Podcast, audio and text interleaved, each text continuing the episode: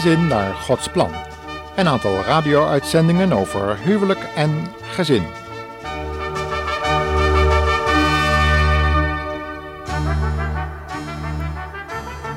Voor vandaag is het Abraham, echtgenoot en voorbidder.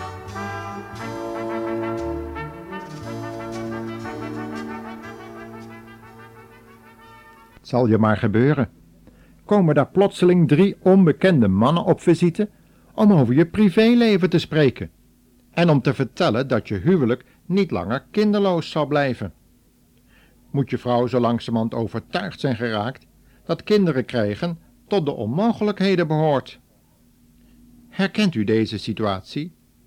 Velen raken gefrustreerd door de constatering dat een huwelijk kinderloos zal blijven. Er komt een crisis en er moet gekozen worden.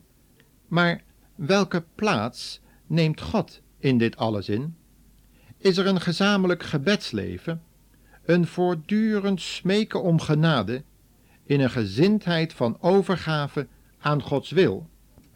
In de vorige uitzending kregen we de ontrouw van het gezinshoofd Korach voor de geest. Evenals deze heeft gedaan, schrijven wij soms ook de Heer Jezus voor hoe wij denken dat Hij zou moeten handelen met ons. Overgave aan Zijn regering. Hoe moeilijk soms te verwerken ook. En welke onbegrijpelijke dingen er ook in toegelaten worden, is het antwoord op veel emotionele problemen. Toen God in een vroeger stadium Abraham aansprak over een belofte die nog niet vervuld was, kreeg Abraham de opdracht: Wandel voor mijn aangezicht en wees onberispelijk. In een andere vertaling staat het zo: Ik ben God de Almachtige. Wandel voor mijn aangezicht en zijt oprecht. Je kunt dat in Genesis 17 lezen. Het resultaat was dat Abraham op zijn gezicht viel en God vereerde en het woord dat gesproken was geloofde. Later zou hij daarom de vriend van God genoemd worden. Zijn wij reeds zover dat wij vrienden van God genoemd kunnen worden? God zoekt aanbidders, die hem aanbidden in geest en waarheid, zei Jezus tegen de Samaritaanse vrouw. Hij had met haar over haar zondig leven, maar ook over het gebed gesproken.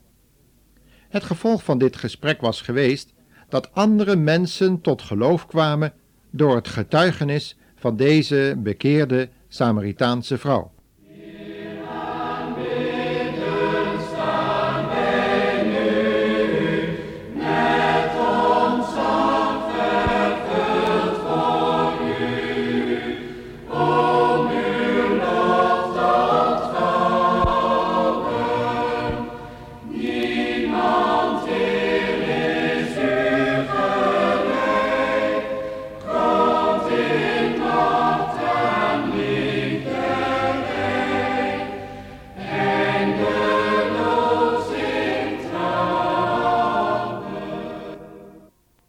In de ontmoeting waarover wij lezen in Genesis 18, zagen wij dat er drie mannen bij Abraham op visite waren gekomen, om over een huwelijksprobleem te spreken.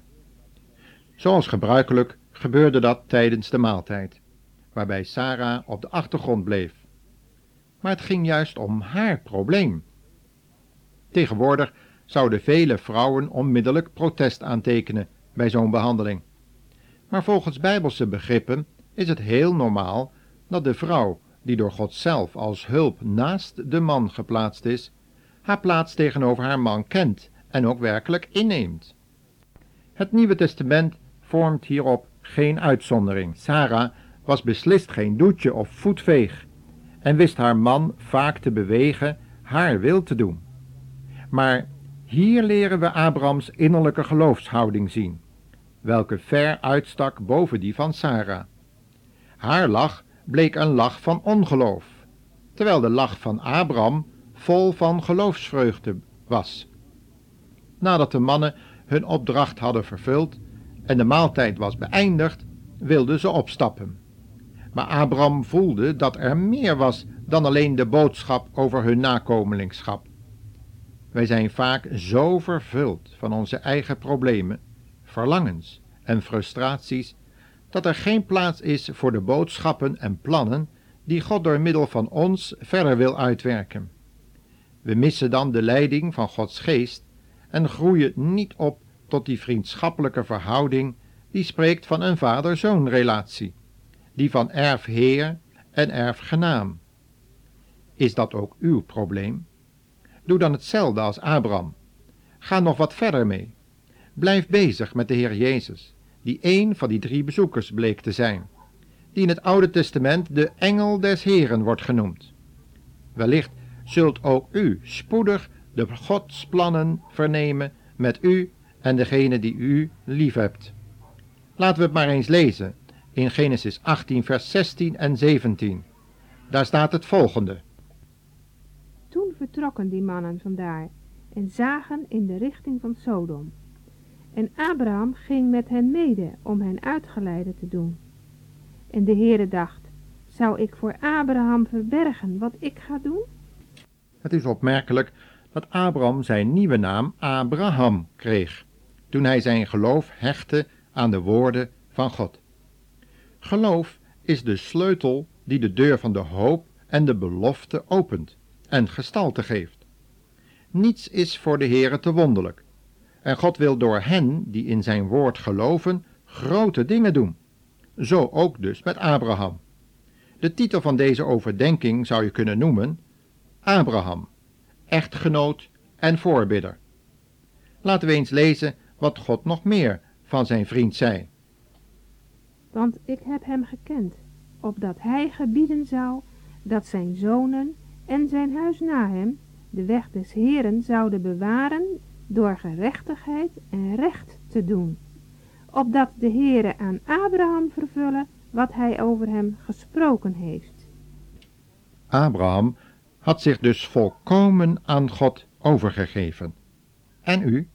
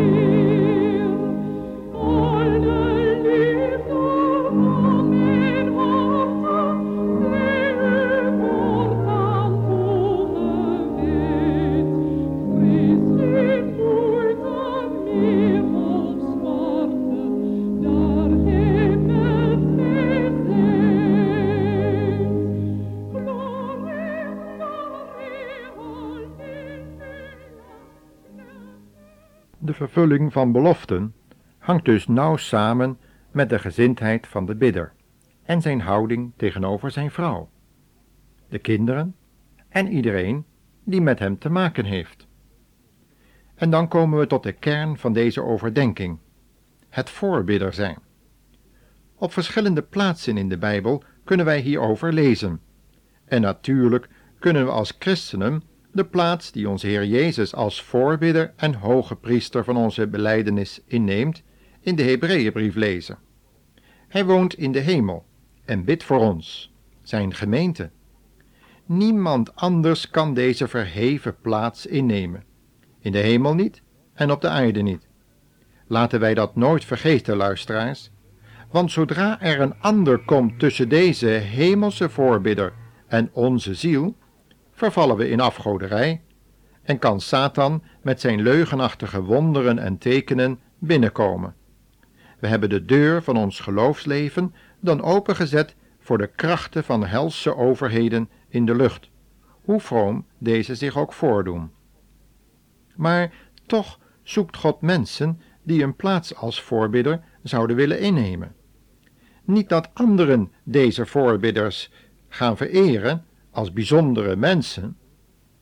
Nee, in geen geval. God wil mensen vinden op aarde die in de stilte, liefst op een plaats van afzondering, in diep gebed verzonken zijn en worstelen om genade in berouw tot God naderen en bereid zijn het oordeel over zonde, ontrouw en lauwheid in de gemeente op zich te nemen. Kort gezegd, die hun schuld als een schuldoffer willen stellen, zoals dat in Jesaja 53 vers 10 van de Heer Jezus geschreven is. Zijn wij bereid deze plaats in te nemen?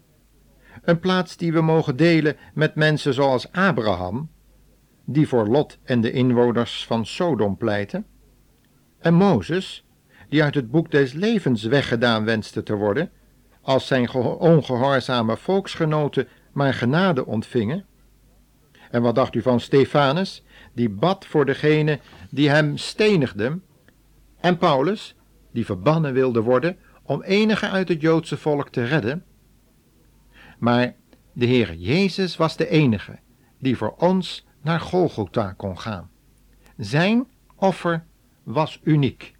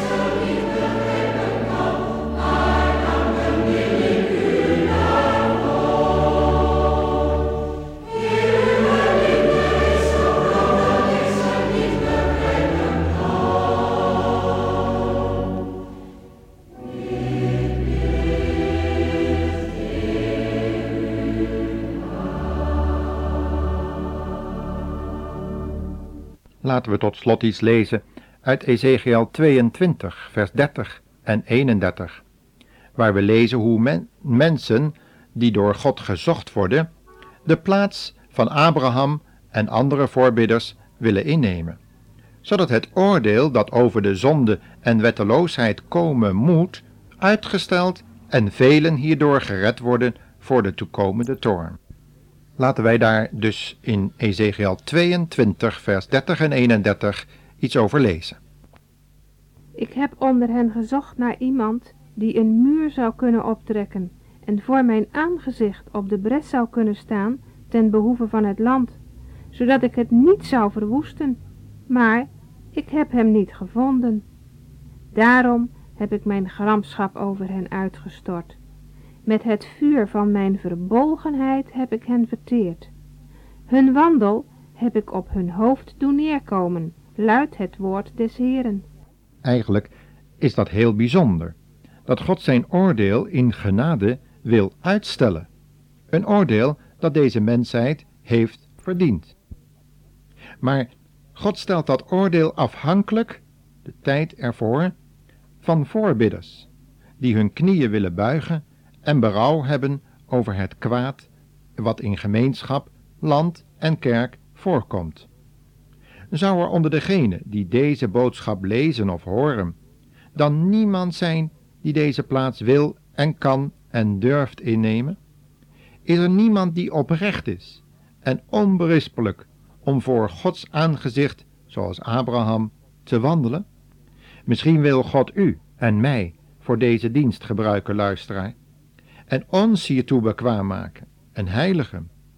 We kunnen dan geschikt gemaakt worden voor elk goed werk, zoals dat in de Bijbel staat, en in de bressen staan om het komende oordeel af te wenden, en de vijand die binnen wil dringen, in de wapenrusting van God, met de geest van het gebed weerstaan. De eerste brief van Petrus zegt met betrekking tot het laatste oordeel het volgende want het is nu de tijd dat het oordeel begint bij het huis Gods. En als het bij ons begint, wat zal dan het einde zijn van hen die ongehoorzaam blijven aan het evangelie van God?